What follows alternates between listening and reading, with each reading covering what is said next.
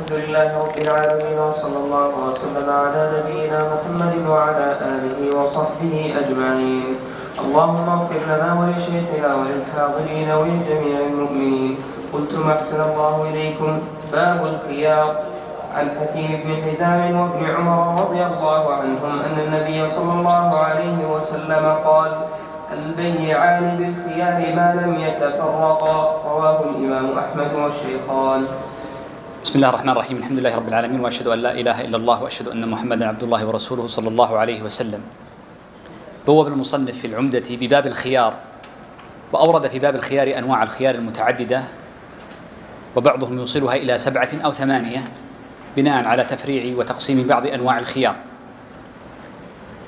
وأول حديث فيه وهو حديث حكيم بن حزام وابن عمر أن النبي صلى الله عليه وسلم قال البيعان بالخيار ما لم يتفرقا فقوله البيعان أي المتبايعان البائع والمشتري.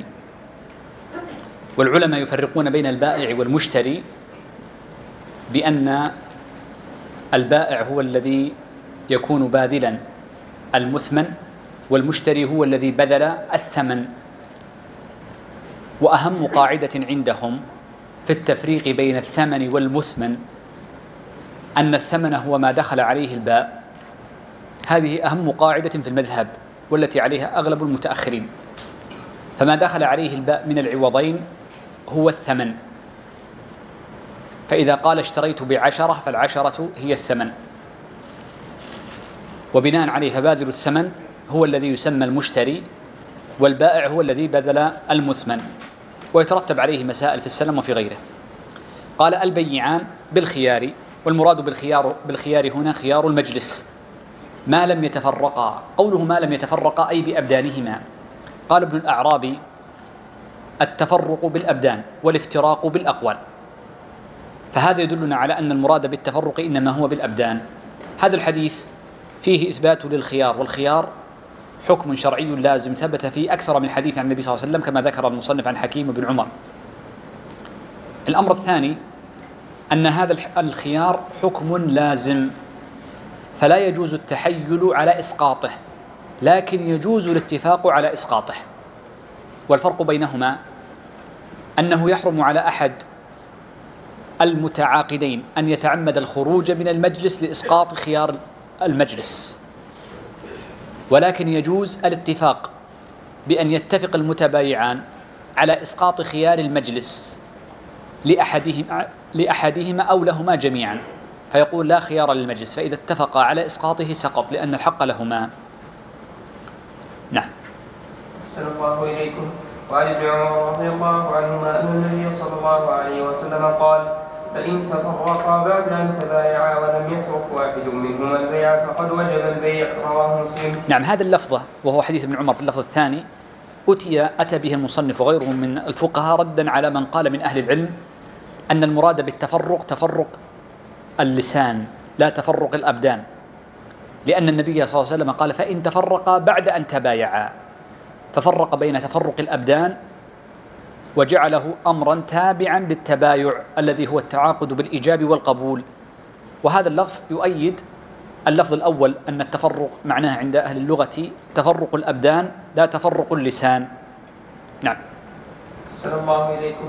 عن أبي هريرة رضي الله عنه أن رسول الله صلى الله عليه وسلم قال لا تصر الإبل والغنم فمن ابتاعها بعد ذلك فهو بخير النظرين.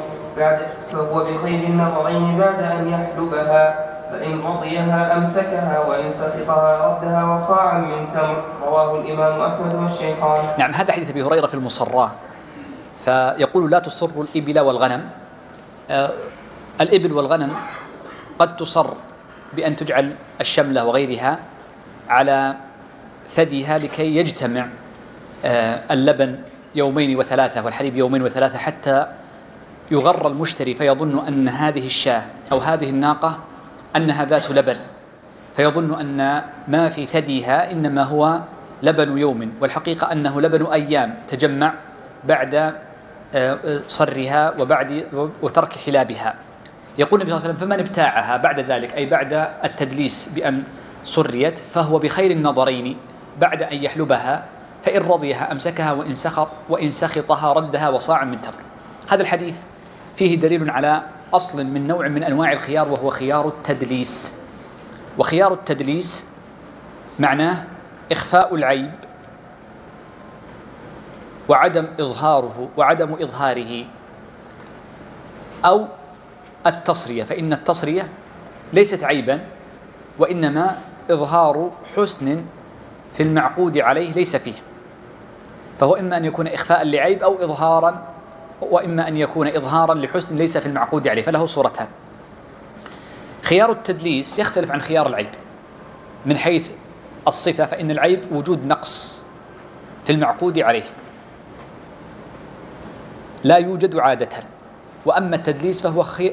يعني إخفاء عيب يوجد في العادة لكنه لم يظهره غطاه بطريق أو بآخر.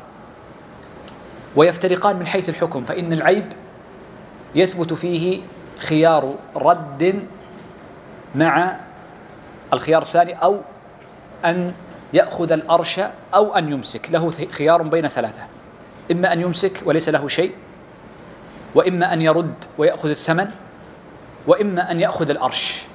فالمشتري مخير بين ثلاثة أمور بينما في خيار التدليس مخير بين أمرين فقط. والدليل على أنه بين أمرين قول النبي صلى الله عليه وسلم فهو بخير النظرين. فلم يثبت له أخذ الأرش. فهو مخير إما أن يمسك وإما أن يرد وليس له أخذ الأرش. وهذا هو مشهور مذهب وقلت المشهور لأن في رواية مال لها بالرجب أنه يجوز له أخذ الأرش إلحاقا بالعيب. وأما المذهب فاستدلوا بظاهر الحديث لأن التخصيص بالاثنين يدل على أن له مفهوم مخالفة وليس له خيرا من هذين النظرين فليس له أخذ الأرش. الأمر الأخير أن هذا الحكم إضافة لإثباته خيار التدليس وهو إخفاء العيوب أو إظهار محاسن ليست في العين فإن فيه حكما خاصا بالمصرة والمراد بالمصرة الشاة أو الناقة أو غيرها من الدواب التي يشرب لبنها. إذا جمع لبن فإن لها حكما خاصا بها. فإنها إذا كان بان فيها التدليس وثبت للمشتري الخيار جاز له الرد ويضاف مع الرد أن يرد بدلا منه صاعا من تمر. ولذا العلماء يقولون إن الشخص إذا حلب لبن الشاة ثم استهلكه لزمه أن يرد بدله واللبن قيمي وليس مثلي. فحينئذ ننظر لقيمته وقد نص الشرع على قيمته وهو الصاع. فإنه يرد الصاع من التمر. فهنا التقويم من الشرع. فلا ننظر لتقويم العرف لأن المقدرات القاعدة المشهورة دائما يذكرونها ابن البنا وابن قدامة وابن المنجى أن المقدرات تمر بثلاثة أشياء. إما بالشرع فإن فقد فباللسان فإن فقد فبالعرف. أي لسان العرب فإن فقد فبالعرف. فهنا وجد التقدير بالشرع فلا ننظر للعرف فلا ننظر لقيمة العرف. ومثله ما ذكر بعض الإخوان في قضية الجعالة عندما قدر الشرع رد الآبق باثني عشر دينارا فهذا تقدير للجعل بالعرف. إن بقي اللبن لم يتغير ولم يستهلك فإنه يرد عين اللبن لأنه رد للعين لا رد للقيمة ورد العين مقدم. نعم. طبعا هي مقدرة بثلاثة أيام فإن زاد عن ثلاثة أيام وهو يحلبها ولم يعني آه، يردها بعد ذلك فإنه ينقضي خياره في خيار التدليس في المصرة نعم. صلى الله عليه السلام. عن عبد الله بن عباس رضي الله عنهما قال قدم رسول الله صلى الله عليه وسلم وهم يسلفون في الثمار السنة والسنتين. فقال من أسلف في ثمر فليسلف في كيل معلوم ووزن معلوم إلى أجل معلوم. رواه الإمام أحمد والشيخان. نعم. آه، بيع السلم هو نوع من بيوع السلم. آه، آه، السلم نوع من من أنواع البيوع. ولكن السلم فيه خصائص في البيع. فاولا لنأخذ تعريفه ثم نعرف خصائصه. السلم هو بيع موصوف في الذمة بثمن معلوم معجل مقبوض لا بد أن يكون مقبوضا كذلك. اذا فهو بيع موصوف في الذمة. إذا هذان القيدان في المثمن لا بد من العناية بهما. الأمر الأول أن يكون موصوفا ويقابل الموصوف المعين. الأمر الثاني أنه لا بد أن يكون في الذمة ويقابل ما في الذمة الحال. إذا السلم المثمن فيه فيه وصفان أو له قيدان. القيد الأول أنه موصوف بمعنى أنه ليس معينا والأمر الثاني أنه في الذمة أي ليس بحال. ما الفرق بين الموصوف والمعين؟ المعين هو المحدد الذي لا يصدق على غيره. هذا الهاتف هذا الكتاب معين لا يوجد غيره ولا يقوم غيره مقامه. هذا يسمى المعين.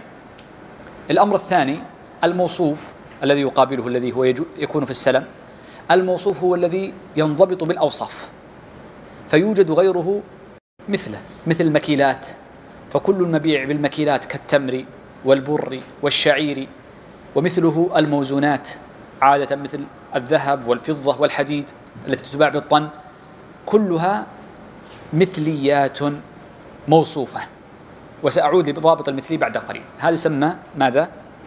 الموصوف وعرفنا الذي يقابله وهو المعين. الذي في الذمة هو الحال. انظروا معي. نبدأ أولا في الموصوفات. ركزوا معي. أولا الموصوفات. بيع الموصوف له حالتان. يعني إذا أطلق مو ليس حالتان له له مصطلحان. للفائدة فقط. هذا هذا خارج السلم لكن أريدك أن تعرف الفائدة. إذا لم صعبت عليك هذه الجزئية انسها. لأن لا تعلق لها مهم كثير بالسلم لكن لفهم بيع الموصوف ما هو؟ عندما يطلق الفقهاء بيع الموصوف فإنهم يقصدون بالموصوف إما المعين الموصوف. فيكون معرفة المعين إما بالنظر أو بالتسمية والإشارة أو بالوصف كأن يقول سيارة الحمراء. فهذا المعين الموصوف ليس مرادا عندنا هنا. المراد في باب السلم غير المعين الموصوف غير المعين بأن يقول بعتك منا من تمر بعتك طنا من رز وهكذا من الموصوفات. فليس بمعين وإنما هو يقوم غيره مقامه. طيب أريدك أن تعلم مسألة أننا عندما قلنا بيع الشيء في الذمة يدلنا على أن الثمن والمثمن إذا كان حالين فإن البيع حينئذ يسمى بيعا جائزا أليس كذلك وهو البيع. يتقابضان في مجلس التعاقد.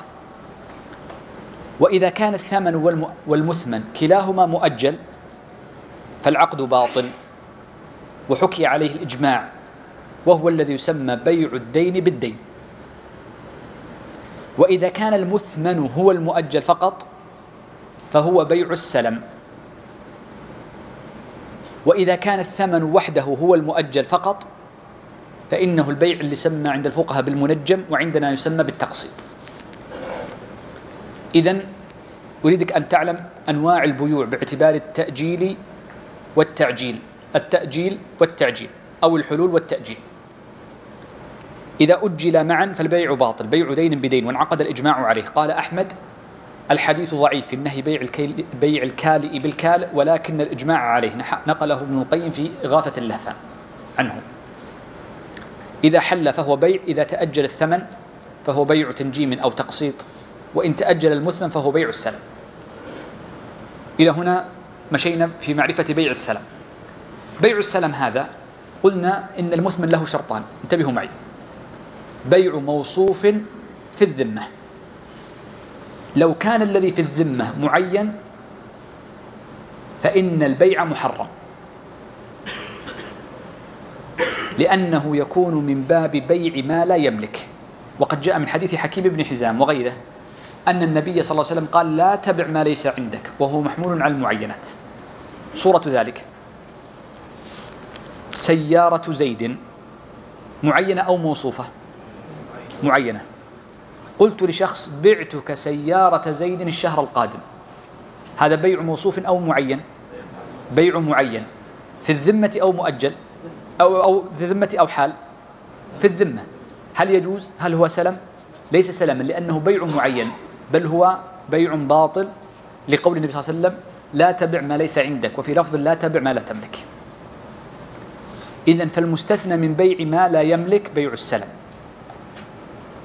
وهو محمول على المعين دون دون الموصوف. مشيت معي في القيد الأول وواضح. انظروا الاختلال النوع الثاني. بيع موصوف معنى الموصوف هنا ماذا؟ أي موصوف غير معين ليس معين موصوف اللي قلناها قبل شوي. قلت إن صعبة تتركها. لو باع امرؤ موصوفا لكن بحال يعني ولكنه كان حالا غير مؤجل ليس في الذمة. مثال ذلك جاء زيد لعمر فقال بعني خمسة كيلوات أو خمسة آصع من بر. قال بعتك إياها وليست عنده. هل يجوز ذلك أم لا؟ واضح. هذا لا نسميه سلما.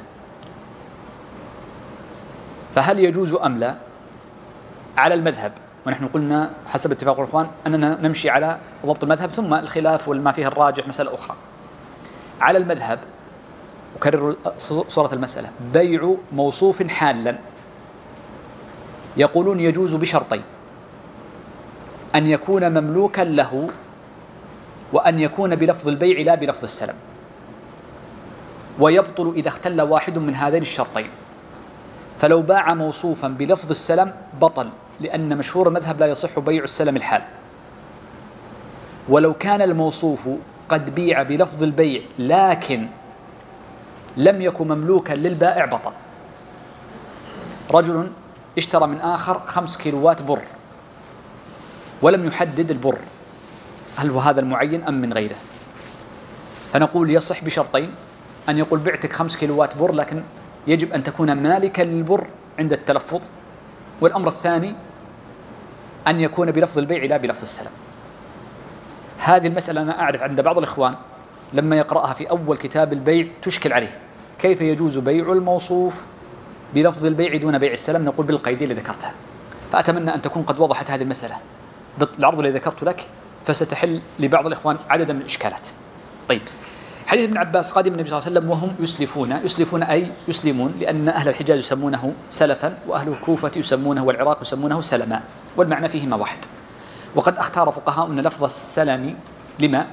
لأسباب. السبب الأول لكي يفرقوا بينه وبين الدين لأن بعض الناس يسمي الدين سلفا فأرادوا أن يغيروا المصطلحات للتمييز. الأمر الثاني أن أغلب فقهائنا إنما هم من أهل العراق ابتداء من أحمد وأكابر الصحابة أصحابه المتقدمين. قال وهم يسلفون في الثمار السنة والسنتين فقال من أسلف؟ أي أنه يجوز السلف والسلم. من أسلف في ثمر؟ قوله في ثمر أي أنه لا بد أن يكون السلف في شيء يمكن وصفه. فأما ما لا يمكن وصفه وليس من المثليات فلا يجري فيه السلم. ولذلك المذهب أن السلم إنما يجري في المثليات فقط دون ما عداها. وما المراد بالمثليات؟ هو المكيل والموزون عندهم. غير المثليات لا يجري فيه. قال فليسلف في كيل معلوم. الكيل المعلوم يدلنا على الشرط الثاني وهو أنه لا بد من تحديد وزنه وقدره. فقوله معلوم أي معلوم الكيل. وقد يكون قوله معلوم أي أن الكيل معلوم والشيء المسلف فيه معلوم كذلك. فيكون معلوم الأوصاف فتذكر فيه جميع الأوصاف التي لها وقع في الثمن. قال وزن المعلوم أي في الموزونات. فقوله في كيل معلوم وزن معلوم استدل به فقهاء المذهب على أن السلم لا يجري إلا في المكيلات والموزونات. وبنوا عليهم قاعدتهم المشهورة جدا أن المثلية عندهم إنما هو المكيل والموزون. غير المكيل والموزون لا سلم فيه. وليس من المثليات عند الإتلافات. وبناء على ذلك يعني هنا فائدة وأقول لكم عن الترجيح الآن عند العمل على خلافه. المصنوعات عندهم هذا ليس مثليا لأن المثلي خاص بالمكيل والموزون فقط لأجل هذا الحديث ولغيرها من القواعد. الرواية الثانية وهي التي عليها العمل الآن في المحاكم وفي غيرها بل عمل الناس أن هذه الموسوعات أن هذه المصنوعات لدقتها أصبح تحقق المثلية فيها أكثر من المكيل والموزون. ما الفرق بين هذه القنينة وهذه القنينة؟ لا يستطيع التفريق بينهما إلا أدق الصانعين. ربما بعض الصناعات لا أقول لك التفريق بينها بالملي بل أقل من الملي بالنانو ربما وخاصة الأمور الإلكترونية. فهذا يفيدنا على أن القول الثاني مذهب أحمد وهو أيضا مفاريد أحمد القول الثاني أن المثليات عرفية. وبناء عليه فكل ما يجري فكل ما كان مثليا جاز السلم فيه سواء كان مكيلا أو موزونا أو غيره ولو كان معدودا. قال إلى أجل معلوم فلا بد من ذكر الأجل. وقوله إلى أجل معلوم يفيدنا شرطين للسلم الشرط الأول أنه لا بد من ذكر الأجل. الشرط الثاني أنه لا بد أن يكون الأجل له وقع في السعر. لأن بعض الناس لكي يتحايل على السلم الحال يذكر أجلا لا أثر له في السعر كأن يقول بعد ساعة. نقول لا أثر له. فلا بد أن يكون للأجل أثر في السعر. نعم.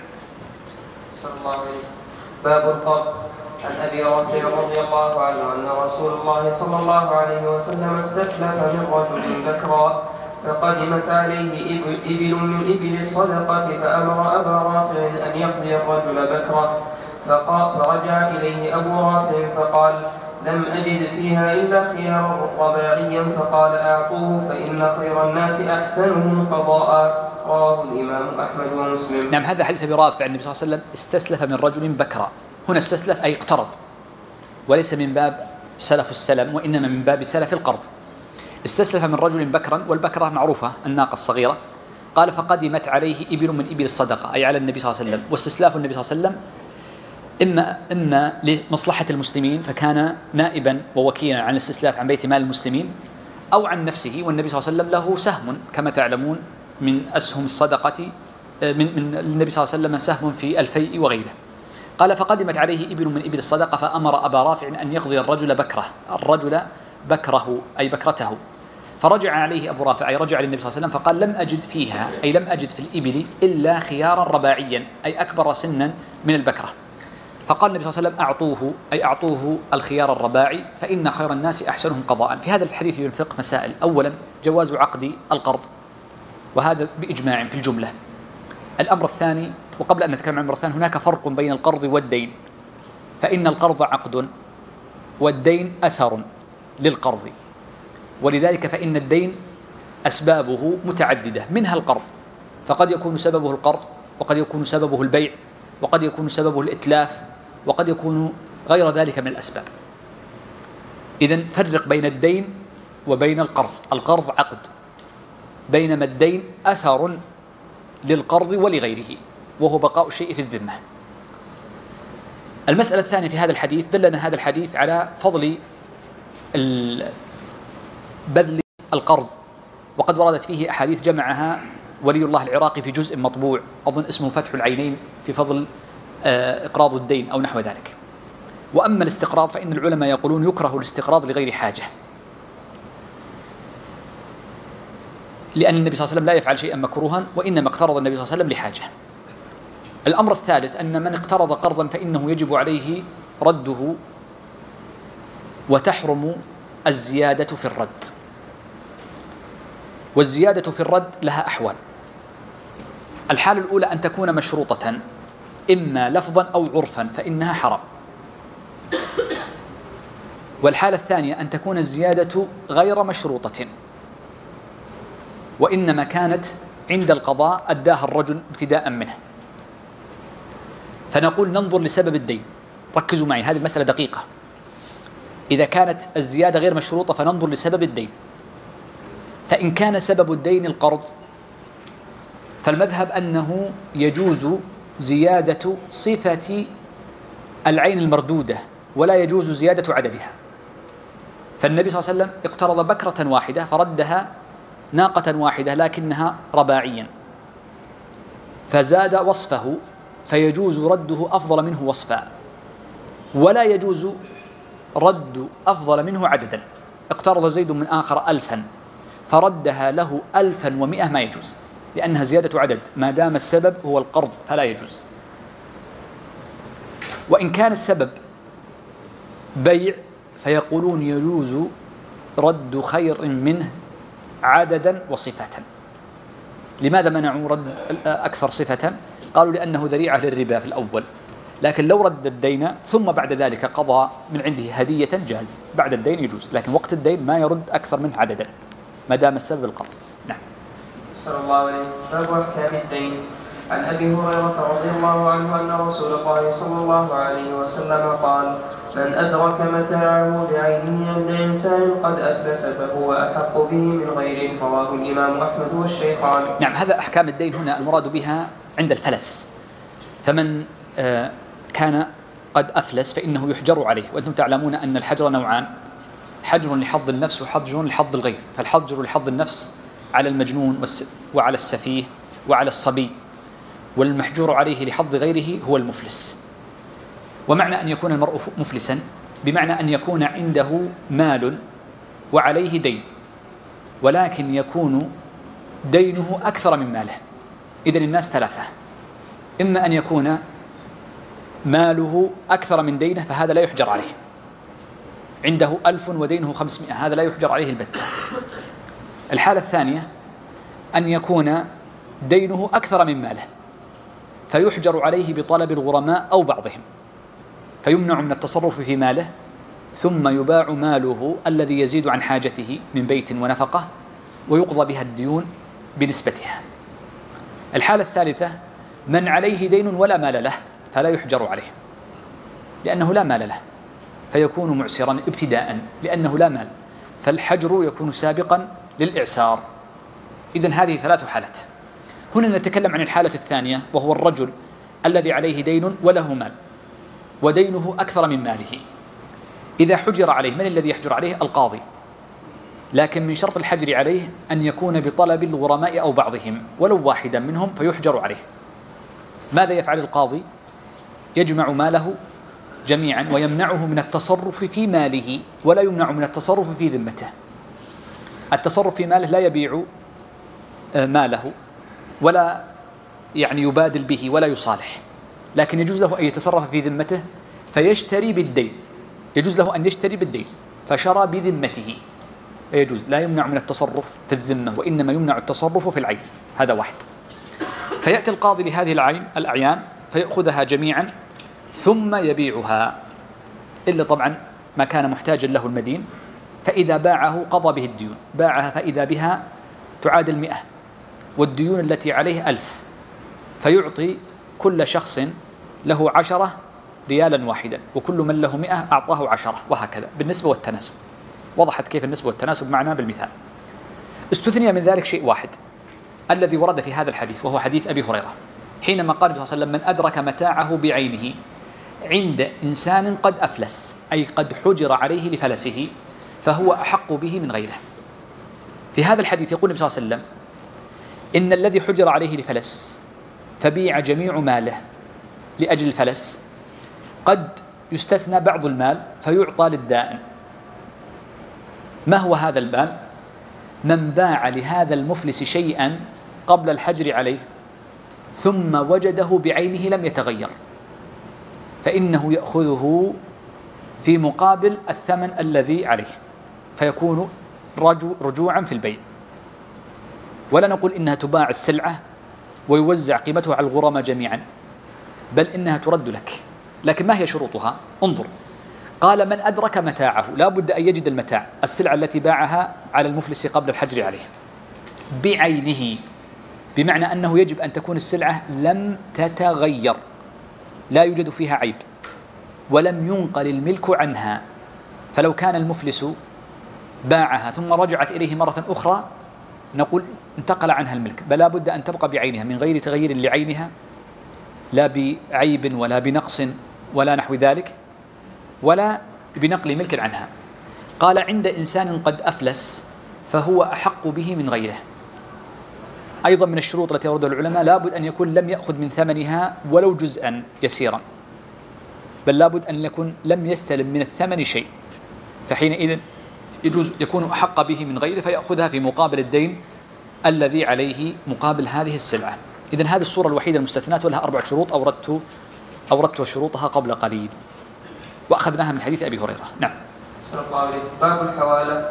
عن أبي هريرة رضي الله عنه أن رسول الله صلى الله عليه وسلم قال إذا أتبع أحدكم على مليء فليتبع. رواه الإمام أحمد والشيخان. نعم. باب الحوالة. المراد بالحوالة هو نقل ما في الذمة إلى ذمة أخرى. لأن الديون التي في الذمة الأصل أن الذمة لا تنتقل ما في ذمتك إلى آخر. بل لا بد من السداد أو الإبراء. لا يسقط ما في الذمة إلا بالإبراء أو بالقضاء وهو السداد إلا في حالة واحدة وهو الحوالة. فالحوالة من باب نقل الدين من ذمة إنسان إلى ذمة آخر. ولذلك اشترطت له شروط جاءت في هذا الحديث. يقول النبي صلى الله عليه وسلم إذا أتبع أحدكم أي إذا أحيل شخص على آخر الحوالة هي عقد ثلاثي بين زيد وعمر وخالد. زيد يقرض عمرا ألفا وعمر أقرض خالدا ألفا. فيأتي عمرو الذي هو في الوسط فيحيل الدائن على المدين فيقول أحلتك على الأول. ينبني عليه أن هذا الذي في الوسط برئت ذمته تماما من حين تلفظ بالإحالة وثبت حكمها. فلو أن الثالث لم يدفع المال لو أنه مات لو أنه هلك ماله نقول ما ترجع على الأول خلاص. برئت ذمة الأول لأن كل ما في ذمته انتقل إلى ذمة الآخر برئت. ليست ضمانا وإنما هي حوالة. برئت ذمته بمجرد التلفظ. فلا يرجع عليه. ولذا اشترط العلماء شروطا. منها أنه لا بد أن يكون الدينان متفقين جنسا وقدرا.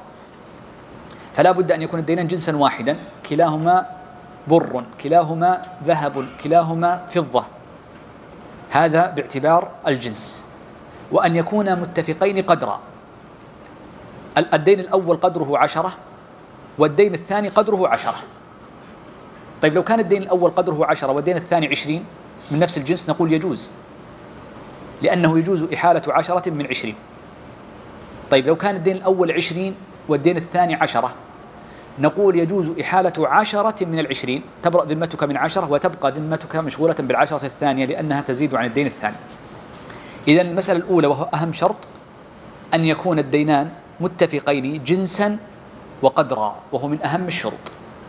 الشرط الثاني الذي جاء في هذا الحديث وهو قول النبي صلى الله عليه وسلم إذا أتبع أحدكم على ملي لا بد أن يكون الدين الثاني الذي على الشخص الثاني وهو المحال عليه لا بد أن يكون مليئا. إضافة إلى أن عليه دين فلا بد أن يكون مليئا. والمراد بالملاءة ثلاثة أشياء ملاءة المال وملاءة القول وملاءة الفعل. ملاءة القول المال بأن يكون عنده مال يبذله. وملاءة القول بأن يكون غير مماطل ولا جاحد. وملاءة الفعل أن يكون قوي البدن يستطيع الذهاب إلى إلى المحاكمة عند المخاصمة. فالعاجز الذي لا يصل إلى المحكمة هذا غير مليء بفعله ببدنه. وهذا معنى المليء. فليتبع أي يجب عليه الإحالة. فقد برئت ذمة الأول وإن لم يرضى.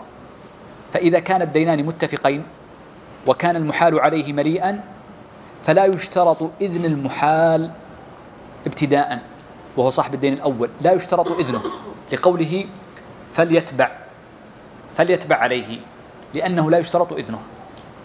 متى يشترط إذنه؟ إذا كان المحال عليه الثاني ليس مليئا فلا بد من إذنه. فإن أذن برئت ذمة الأول وليس له الرجوع عليه بعد ذلك إلا أن يكون قد غر. ظن أنه مليئا فبان خلاف ذلك. نعم.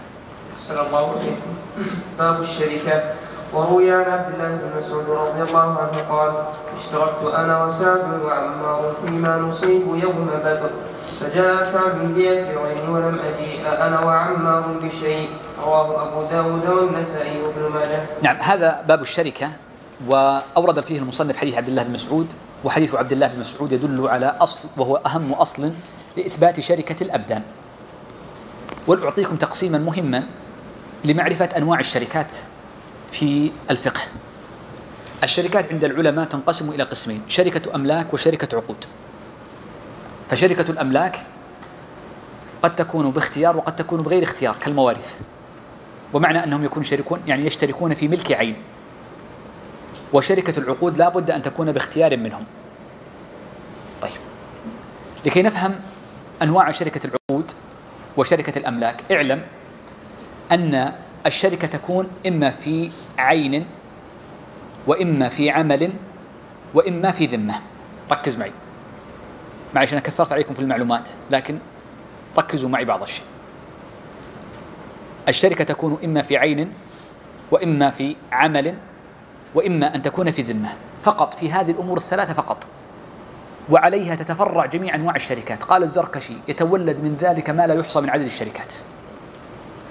أولا فإن كان الشريكين فإن كان الشريكان شريكين في عين فقط من غير ذمة ولا عمل فهي شركة الأملاك. أنا وأنت شركاء في أرض فهي شركة أملاك. ليست شركة عقود ولا يتكلم عنها هنا في باب الشركات. النوع الثاني شركة العقود هي التي سنذكرها بعد قليل. إذا كان شخصان شريكين في أعيان وعمل معا فهي شركة العنان وإذا كان شريكين في العمل من أحدهما والمال من أحدهما فهي شركة المضاربة. وإذا كان شريكين في العمل فقط منهما جميعا العمل فقط فهي شركة الأبدان. وإذا كان شريكين بالعمل مع الذمة فهي شركة الوجوه. فإن انضاف إليها مال وهي الأعيان أصبحت شركة وجوه وعنان وقد تكون شركة مفاوضة الصحيحة دون شركة المفاوضة التي تدخل فيها الأكساب النادرة. فقط. هذا هو أهم مسألة في ضبط أنواع الشركات. وهذه القاعدة ذكرها بعضهم في ضبط أنواع الشركات جميعا. وعرفت بذلك أنواع الشركات. العنان والمضاربة والوجوه والأبدان وشركة التفويض وهي المفوضة آه، نعم التفويض آه، وشركة الأملاك التي هي خارج باب الشركات. نعم.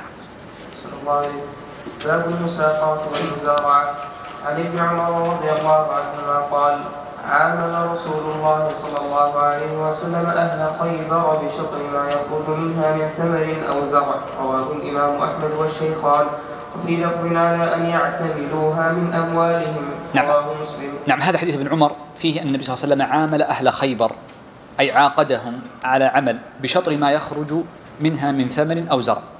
هذا دليل على جواز المزارعة والمساقات في معنى لأن المساقات تكون لثمر الشجر والمزارعة للزرع الذي ينبت في الأرض من حب ونحوه.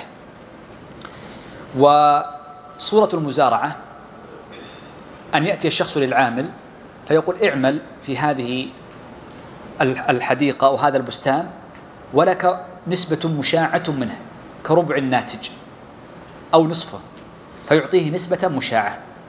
وهذا النوع من العقود يسمى المزارعة فعله النبي صلى الله عليه وسلم وهو جائز.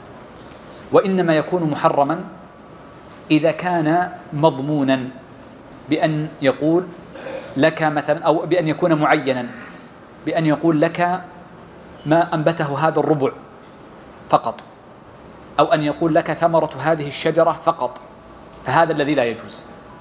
بل لا بد أن يكون مشاعا وألا يكون لشجرة معينة. وعقود المزارعة والمشاركة يقول أهل العلم بركتها أعظم من بركة عقود الإيجارات. ودليل على ذلك ما ثبت عن النبي صلى الله عليه وسلم أنه قال قال الله عز وجل أنا ثالث الشريكين إن صدقا وبينا. فقوله إن صدقا فيما بينهما وبينا بأن أخذ الشروط الشرعية. ولذا فإن عقود الشركات عقود مباركة. أشار لذلك جمع من أهل العلم. وكان بعض السلف يرى أن أن بركة الشركة أشد. وأطال شيخ الإسلام في تقرير هذا الأصل في أكثر من موضع. المصنف أتى بلفظ آخر وهو قوله وفي لفظ على أن يعتملوها من أموالهم. هذه الزيادة الأخرى فيها دليل على مسألة مهمة وهو أنه يجوز أن يكون الحب في المزارعة والمساقاة من العامل. والقول بأن الحب يجوز أن يكون من العامل هو اختيار الموفق في العمدة وهو الذي عليه العمل كما قال موسى. فإن الشيخ موسى في الزاد قال وعليه العمل أن يكون الحب من العامل. وأما المشهور عند أكثر المتأخرين فإنهم يوجبون أن يكون الحب من صاحب الأرض لأنهم يرون أن العامل يجب أن لا يبذل إلا العمل فقط ولا يبذل وأن لا يبذل مالا. بل تكون الأرض وشجر فيها عند المساقاة والحب عند المزارعة كله يكون من رب الأرض. ولكن العمل وظاهر الدليل على ما ذكره الموفق ورجحه وهو الذي عليه عمل الآن عندنا. بعض الناس يعطي أرضه لشخص ويقول ازرعها والعامل هذا هو الذي يأتي بالحب. يأتي بالبرسيم بذر البرسيم بذر البر فيكون منه الحب وهو الذي يعين العمل كما قال موسى. نعم. أحسن الله إليكم باب إحياء الموات. عن جابر رضي الله عنه قال قال رسول الله صلى الله عليه وسلم من من أحيا أرضا ميتة فهي له. رواه الإمام أحمد والترمذي. نعم. أولا الموات المراد به هو الأرض. فلا بد أن تكون أرضا. غير الأرض ليست مواتا. قال الأرض المنفكة عن الملك والاختصاص. فليست ملكا لأحد لا يعرف لها مالك. والأمر الثاني أن تكون منفكة عن الاختصاص. فلا يوجد أحد قد اختص بها. كيف يكون الاختصاص؟ الاختصاص له صور. الصورة الأولى أن يقطع الإمام شخصا أرضا لإحيائها فيكون مختصا بها حتى ينزع اختصاصه. الأمر الثاني من الاختصاص التحجير. فإن من حجر أرضا اختص بها ولم يملكها ولم يحييها. ففرق بين التحجير وبين الإحياء. سنشير معنى الإحياء بعد قليل. من صور التحجير ما نسميه بلغتنا العامية التعقيم. العقوم هذه اللي يجعلها بعض الناس على الأراضي. هذه تحجير فهو اختصاص. وليس ملكا للأرض. ففرق بين الملك والاختصاص. الاختصاص هذا يجعل هذه الأرض أنت أولى بها ولا يجعلها ملكا لك. ولذلك قلنا إن الموات هي الأرض المنفكة عن الملك أو الاختصاص. وصور الاختصاص في الأرض متعددة. هذه الأرض الموات تملك بالإحياء والمراد بالإحياء هو أن يحيي الأرض بما يكون به المعيش المعاش فيها. فإحياء الأرض إما بحفر بئر أو بزرع شجر أو بإجراء الماء إلى الأرض ك آه، يعني فتح القنوات ونحو ذلك أو بالبناء بأن يبني بيتا منيعا. هذا القيد ذكر بعض المتأخرين وهو كذلك لا بد أن يكون منيعا فلا يكفي سور معتاد وإنما لا بد أن يكون بناء منيعا. حينئذ يملك هذا الإحياء. من أحيا أرضا ملكها وملك حريمها فالشجر يملكه ومد أغصانه ومن حفر بئرا فإن كانت البئر عادية أي قديمة ملك حريمها خمسون ذراعا وإن كانت بادية يعني هو أول من حفرها فإنه يملك حريمها من كل آه، جهة خمسة وعشرون ذراعا لأثر سعيد بن المسيب أنه قال من السنة ذلك. نعم. إذا فقوله فهي فهي من باب الملك. طبعا هنا فائدة.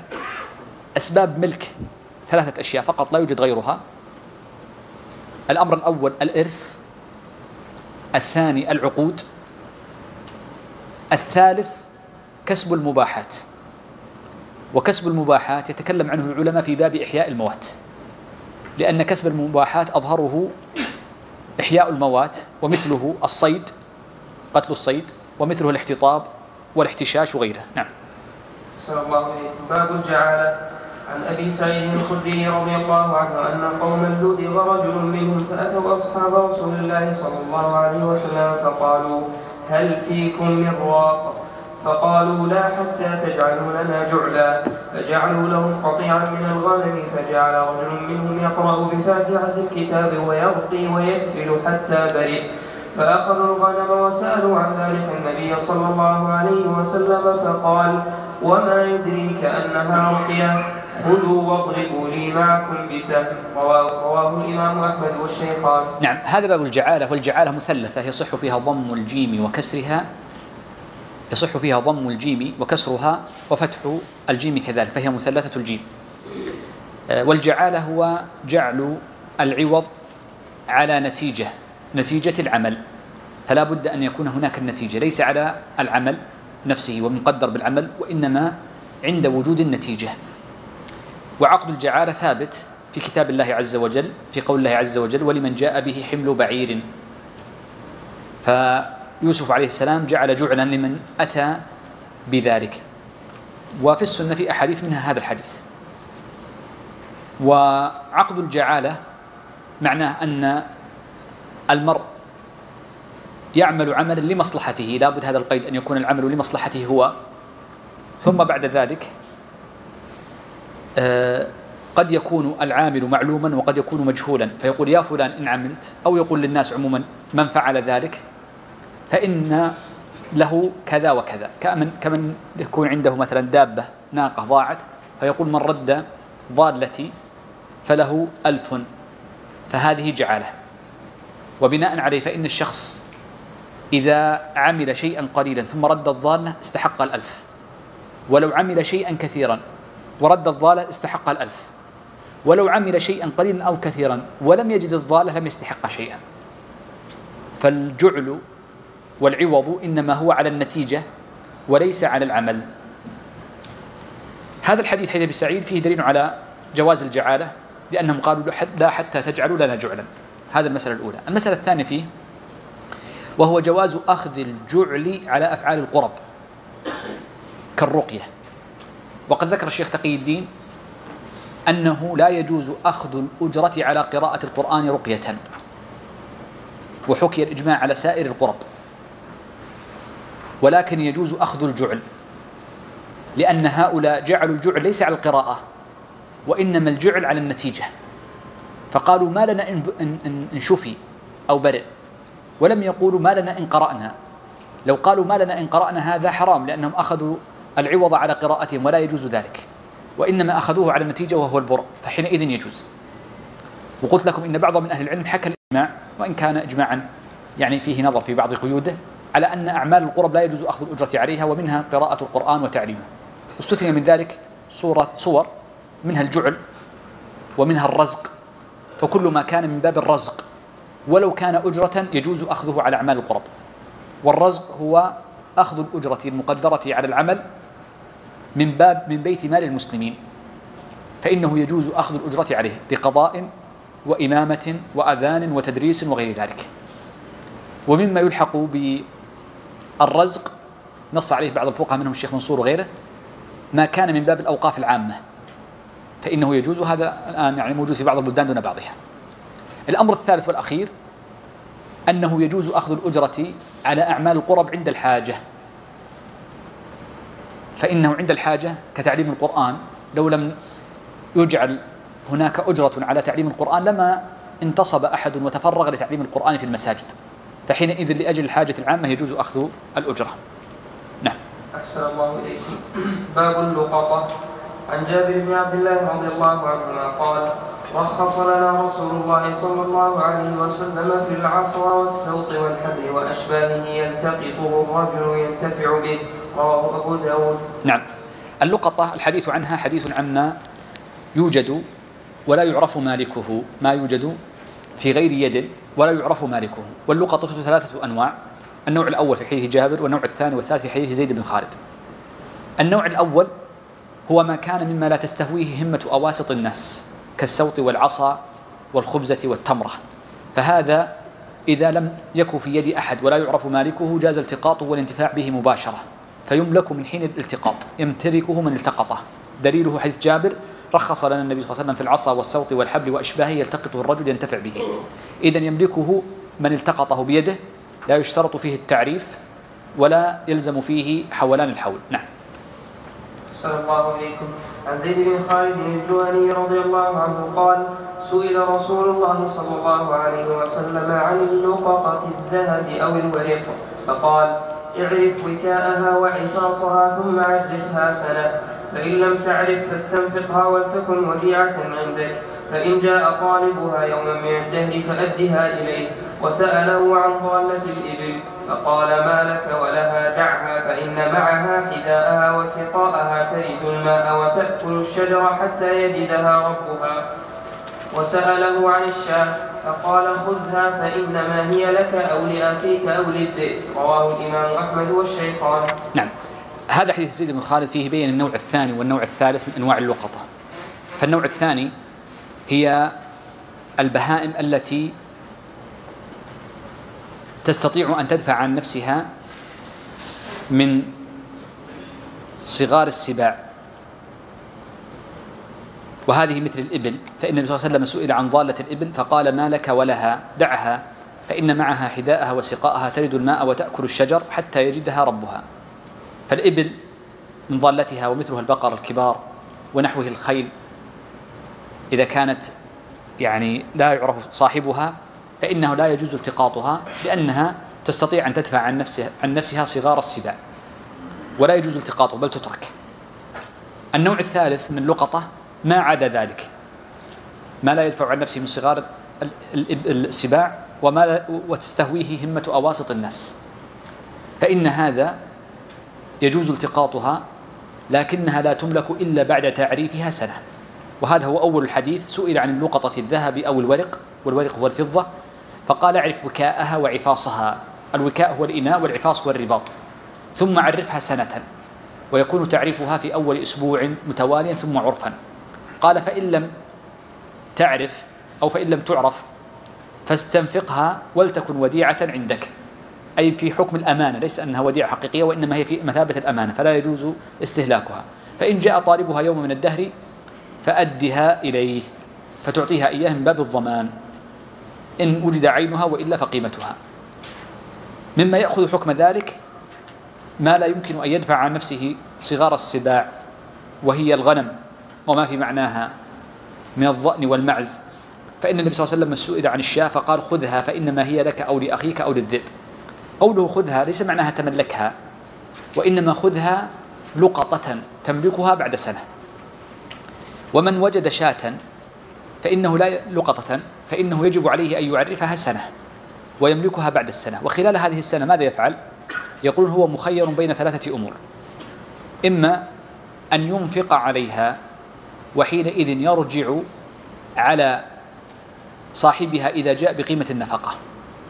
وإما أن يبيعها ويحفظ ثمنها فإذا جاء صاحبها رد إليه ثمنها. وإما أن يذبحها ويأكلها فإذا جاء صاحبها أعطاه قيمتها. هذه ثلاث خيارات له. وهذا خاص بالشياه وما في معناها مما يتلف كالطعام الكثير وغيره فإنه مخير بين هذه الأمور الثلاثة أو بعضها. نعم. أحسن الله إليكم. باب السبق عن أبي هريرة رضي الله عنه أن النبي صلى الله عليه وسلم قال لا سبق إلا في نصب أو خف أو حافر. رواه الإمام أحمد وأهل السنن. نعم بدأ يتكلم المسلف عن السبق. هناك فرق بين السبق والسبق. فالسبق بسكون الباء هو الفعل وهو المسابقة. وأما السبق فهو الجائزة. ولذلك فإن الباب قد يكون للسبق وقد يكون للسبق فيصح فيه الأمران أولا نقول إن المسابقات على مشهور على المذهب تنقسم إلى ثلاثة أنواع. نوع لا يجوز المسابقة فيه مطلقا بعوض أو بدون عوض. ونوع يجوز فيه المسابقة بدون عوض ولا يجوز بعوض مطلقا. والنوع الثالث نوع يجوز المسابقة عليه بعوض ويجوز بدون عوض. والمسابقة عليه بعوض لها شرط سيأتي في الحديث الثاني. النوع الأول الذي لا يجوز المسابقة فيه مطلقا قالوا كل لهو محرم إما لورود النص به كنهي النبي صلى الله عليه وسلم عن اللعب بالنرد شير أو ما لما جاء عن علي رضي الله عنه من النهي عن اللعب بالشطرنج. أو أن يكون فيه آلة لهو وغناء ونحو ذلك من الأمور المحرمة أو فيه آه، نجس أو غير ذلك من الأمور المحرمة. هذه لا يجوز المسابقة فيها مطلقا. اثنين أو النوع الثاني المسابقات التي تجوز بلا عوض وكل عوض دخل فيها حرام. نقول ما عدا ذلك. إلا الأمور الثلاثة التي تأتي في النوع الثالث فإنه يجوز فيها العوض. وما عدا ذلك فكل الأمور لا يجوز أخذ العوض عليها. ولذا نقول على المذهب ولا أقول على غيره وإنما على المذهب. لا يجوز أخذ العوض على أي مسابقة من المسابقات ولو كانت من باب الرياضات. فلو أن اثنين يتصارعان وهناك جائزة للفائز يقولون حرام ولو كانت من أجنبي عندهم حرام أخذ العوض. لا تقل لي إنه جعل لأنهم يرون أن الجعل من شرطه أن يكون فيه عمل لمصلحة الجاعل. فعندهم شرط من شروط من شروط من شروط الجعالة أن تكون العمل لمصلحة الجاعل. وهنا لا مصلحة له وإنما الذي يتسابق الاسنان فحينئذ على المذهب أقول لقوة الخلاف المسألة لا يجوز أخذ العوض عليه. النوع الثالث من المسابقات المسابقات التي تجوز يجوز أخذ الجوع عليها لكن بشرط. سيأتي بعد قليل. وهذه على المذهب ثلاث أشياء فقط لا يقاس عليها غيرها وهو النصب والخف والحافر. أي في سباق الخيل وسباق الإبل وفي سباق وفي الرمي وما في معنى الرمي من سهم ونحوه. هذه يجوز الأخذ الجائزة عليها. ولذلك فإن نص الحديث لا سبق أي لا جائزة يجوز أخذها على سبق إلا في هذه الأمور الثلاثة.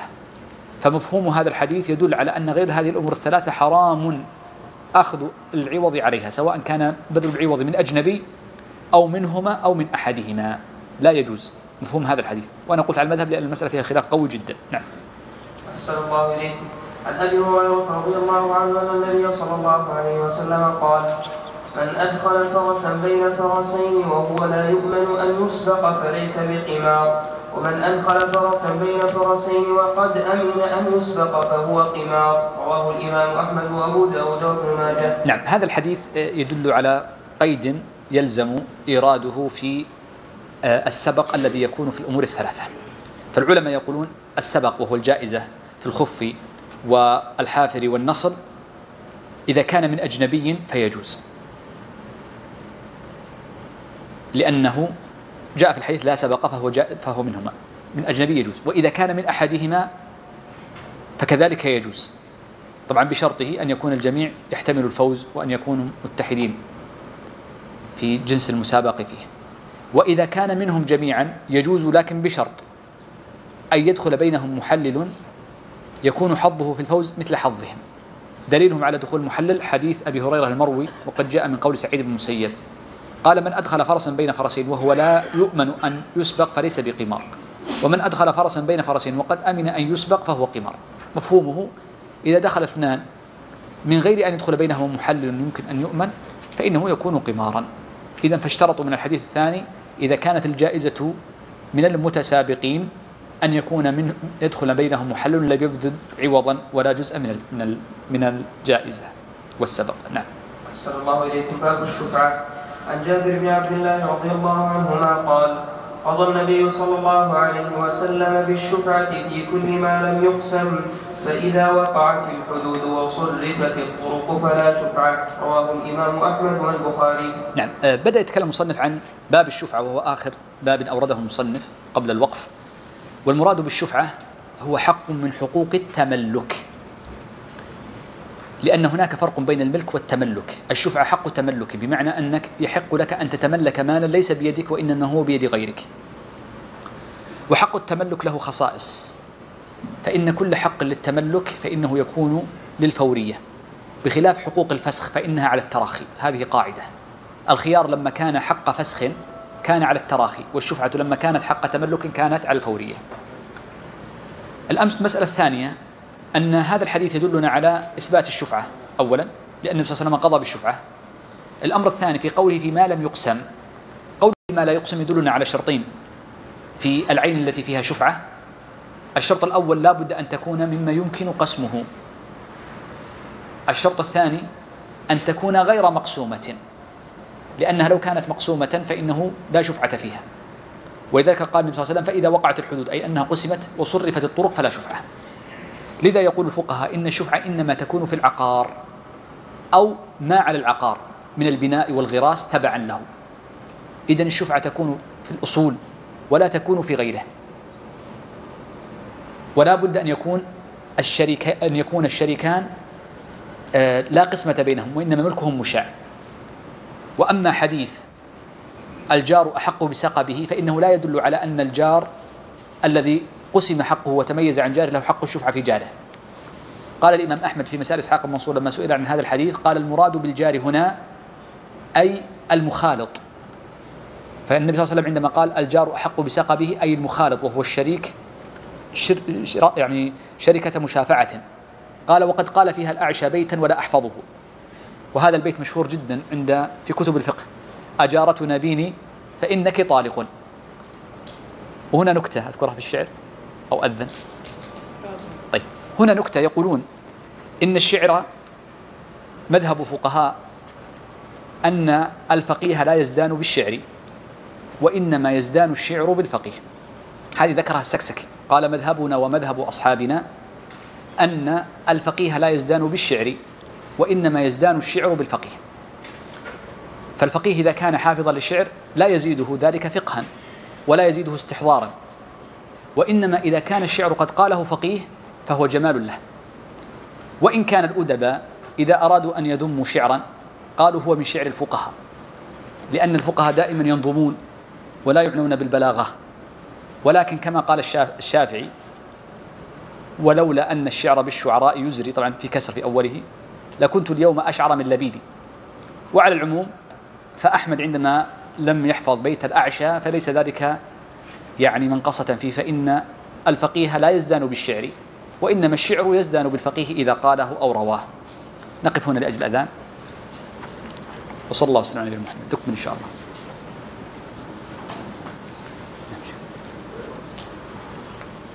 كتاب الوقت. عن عبد الله بن عمر رضي الله عنهما أن أن عمر قال يا رسول الله إني أصبت أرضا بخيبر لم أصب مالا قط هو أنفس عندي منه فما تأمرني به؟ قال إن شئت حبست أصلها وتصدقت بها. قال فتصدق بها عمر أنه لا يباع أصلها ولا يبتاع ولا يورث ولا يوهب. قال فتصدق عمر في الفقراء وفي القربى وفي الرقاب وفي سبيل الله وابن السبيل والضيف لا جناح على من وليها أن يأكل منها بالمعروف أو يطعم صديقا غير متمول غير متمول فيه. رواه الإمام أحمد والشيخان. نعم هذا كتاب الوقف آه، وأورد فيه المصنف حديث ابن عمر وهو الأصل في هذا الباب.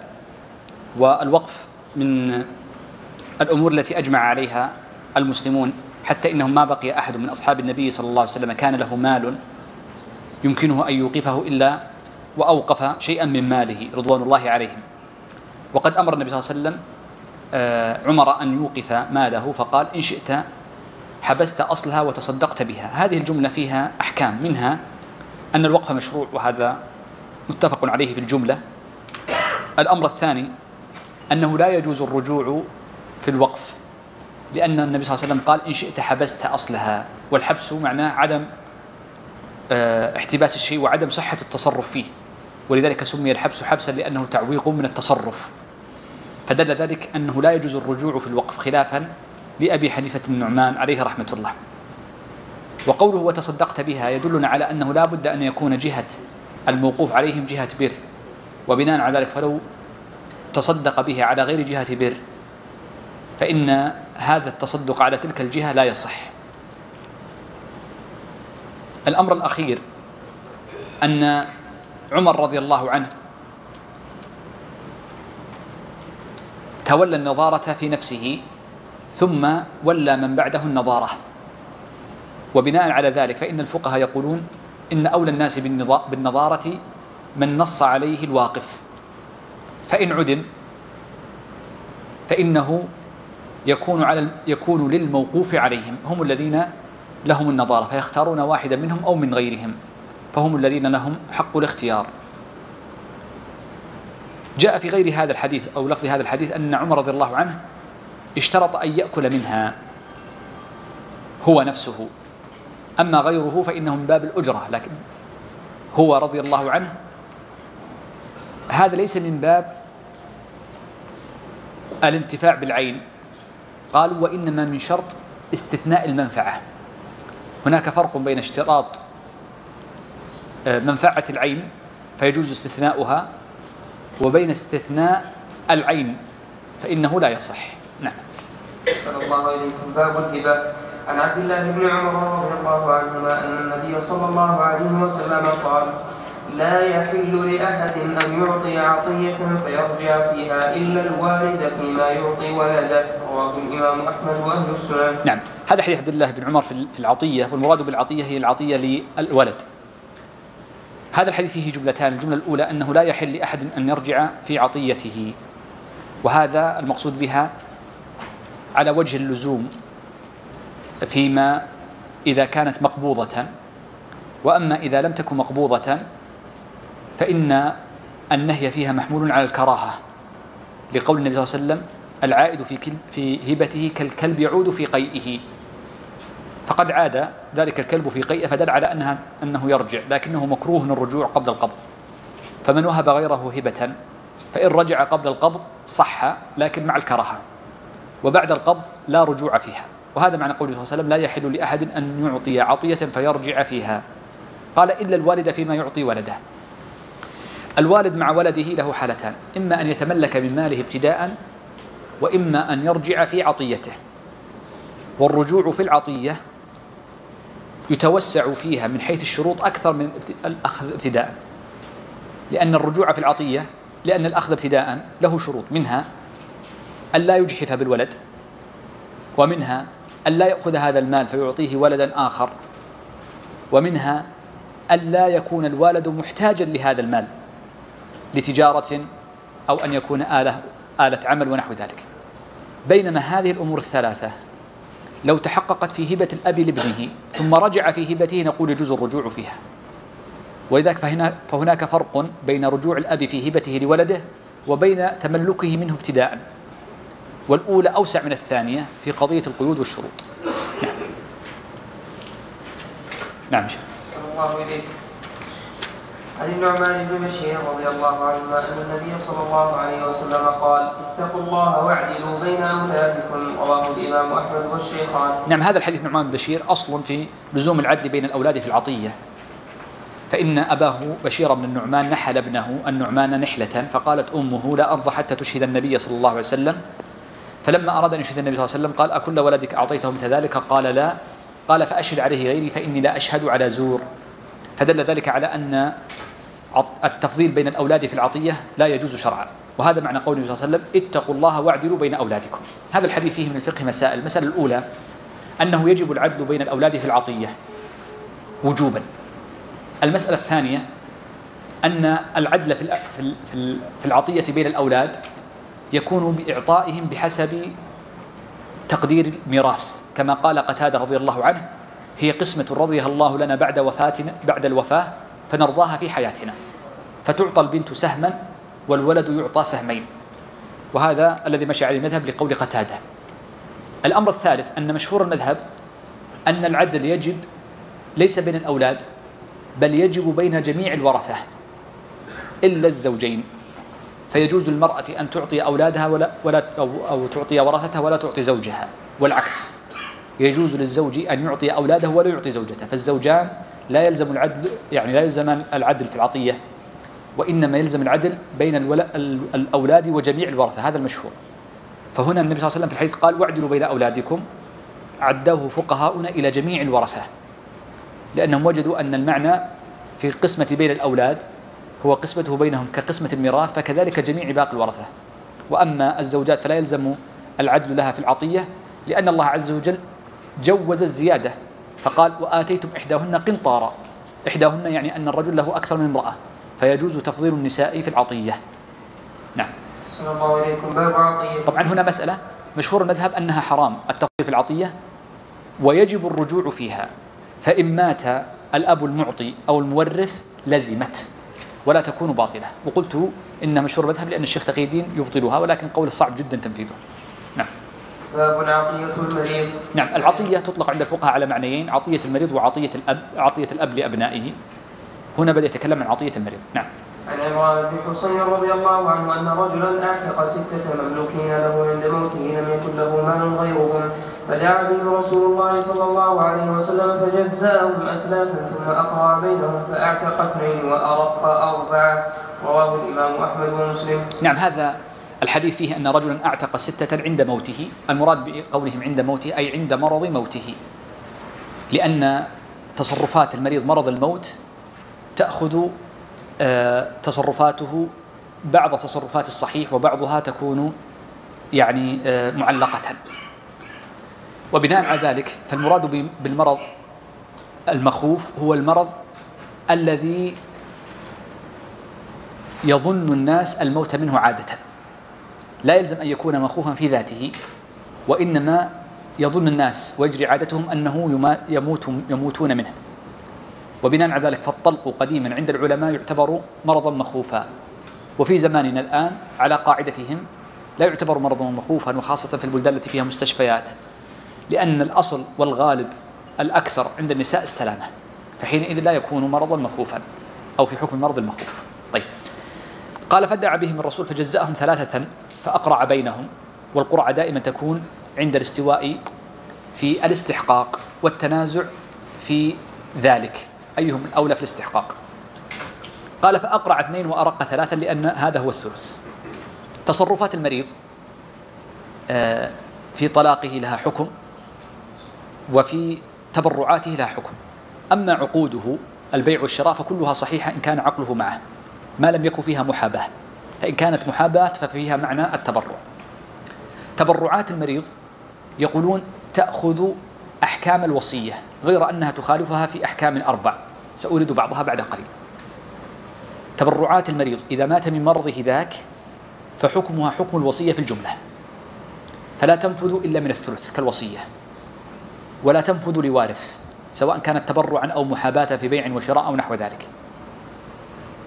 لكنها تختلف عن الوصية من جهات.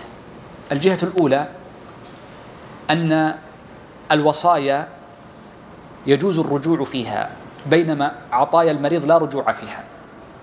فلو أعطى زيدا ألفا ثم قال رجعت رجعت وأعطيت عمرا ألفا يعطى زيد ألف ويعطى عمرو ألف. بينما في الوصية لو قال أوصيت لزيد ألف ثم رجع فيها نقول رجع يصح الرجوع في الوصية.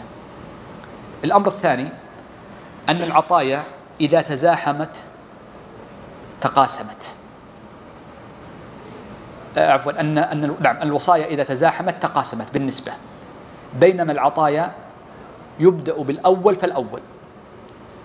فلو أن ثلثه ثلاثة ألاف وقد أعطى شخصا ألفين والثاني ألفين فيعطى الأول ألفين والثاني يعطى ألفا إذا كانت عطية في مرض الموت. بينما لو كانت وصية لشخص بألفين والآخر بألفين فيعطى كل واحد منهما ألفا ونصف لأن الثلث كم؟ ثلاثة ألاف. هذان فرقان وبقي فرقان تراجع في محلها. نعم. لأجل الوقت. إليكم. كتاب الوصايا. عن سعد بن أبي وقاص رضي الله عنه قال قلت يا رسول الله قد بلغ بالجهد قد بلغ بالجهد ما ترى وأنا ذو مال ولا يرثني إلا ابنة لي أفأتصدق بثلثي مالي؟ قال لا. قلت فالشطر. قال لا. قلت الثلث. قال الثلث والثلث كثير. إنك أن تدع ورثتك أغنياء خير من أن تذرهم عالة يتكففون الناس. رواه الإمام أحمد والشيخان. نعم هذا كتاب الوصايا والوصايا يريد فيه العلماء أحكام متعددة متعلقة بالإيصاء وتصرفات الموصى الموصي وما يتعلق بالتبرعات. هذا الحديث يتعلق بأصل وهو أحد أنواع الوصية الخمس وهو التبرع. والمرء يجوز له أن يوصي بثلث ماله لحديث سعد الثلث والثلث كثير. والوصية هو تعليق التبرع على بعد الوفاة ومن شرطه أن يكون بثلث المال وأن يكون لغير وارث. فإن كان لوارث أو ما زاد عن الثلث فلا بد من إجازة الورثة. وإجازة الورثة على المذهب هي من باب تنفيذ الوصية وليست ابتداء العطية. هذا هو مشهور المذهب. قرره جماعة. حديث سعد بن وقاص فيه من المسائل أمور الأمر الأول فيه مشروعية الوصية بجزء من المال بعد الوفاة. ولكنها ليست مؤكدة لأن النبي صلى الله عليه وسلم لم يتبرع بشيء بعد وفاته عليه الصلاة والسلام. وإن قيل إنها مستحبة مطلقا آه، لأن النبي صلى الله عليه وسلم لم يترك مالا فإذا لم يوصي عليه الصلاة والسلام. الأمر الثاني أن السنة أن أنه يجب أن لا تكون الوصية زائدة عن الثلث. فما زاد عن الثلث لا تكون نافذة إلا بإجازة الوصية كما تقدم. الأمر الثالث أن فقهاءنا يقولون الاستح... الأفضل أن ينقص عن الثلث. لما جاء عن علي وأبي بكر أنهما قالوا لما جاء النبي صلى الله عليه وسلم قال والثلث كثير؟ قالوا لو نقص إلى الخمس. وبعضهم يقول الربع. نعم. كتاب الفرائض قال عبد الله بن مسعود رضي الله عنه في بنت وبنت ابن واخت أقضي فيها بقضاء رسول الله صلى الله عليه وسلم للابنة النصف ولابنة ابن السدس تكملة الثلثين وما بقي فللأخت رواه الإمام أحمد والبخاري. نعم هذا الحديث دليل على ما يسمى بالتعصيب مع الغير لأن التعصيب آه ثلاثة أنواع تعصيب بالنفس وهو العصبات فما أبقت الذكور فما أبقت الذكور فلأولى رجل ذكر والثاني التعصيب بالغير وهو الإناث اللائي يكون في درجة هؤلاء من البنات وبنات الإبن والأخوات. فإنهن الذي اللائي يرثن دون باقي أخوات العصبات. ولذلك فإن الأخت مع الأب مع الأخ والبنت مع الإبن يرثن عصبة بأب بأخوان بإخوانهن فهي التعصيب بالغير. النوع الثالث هذا هو الحديث وهو العصبة مع الغير. فإن الأخوات مع البنات يرثن المال كله. أو الأخوات مع بنات الإبن. هذا الحديث فيه أن آه، ابن مسعود رضي الله عنه سئل بعد أبي موسى عن هالك هلك وترك بنتا وبنت ابن وأخت. فقضى بقضاء النبي صلى الله عليه وسلم أن للبنت النصف لعدم وجود الفرع الوارث وهي واحدة ليست جمعا. قال ولبنت الابن السدس تكملة السدس تكملة الثلثين.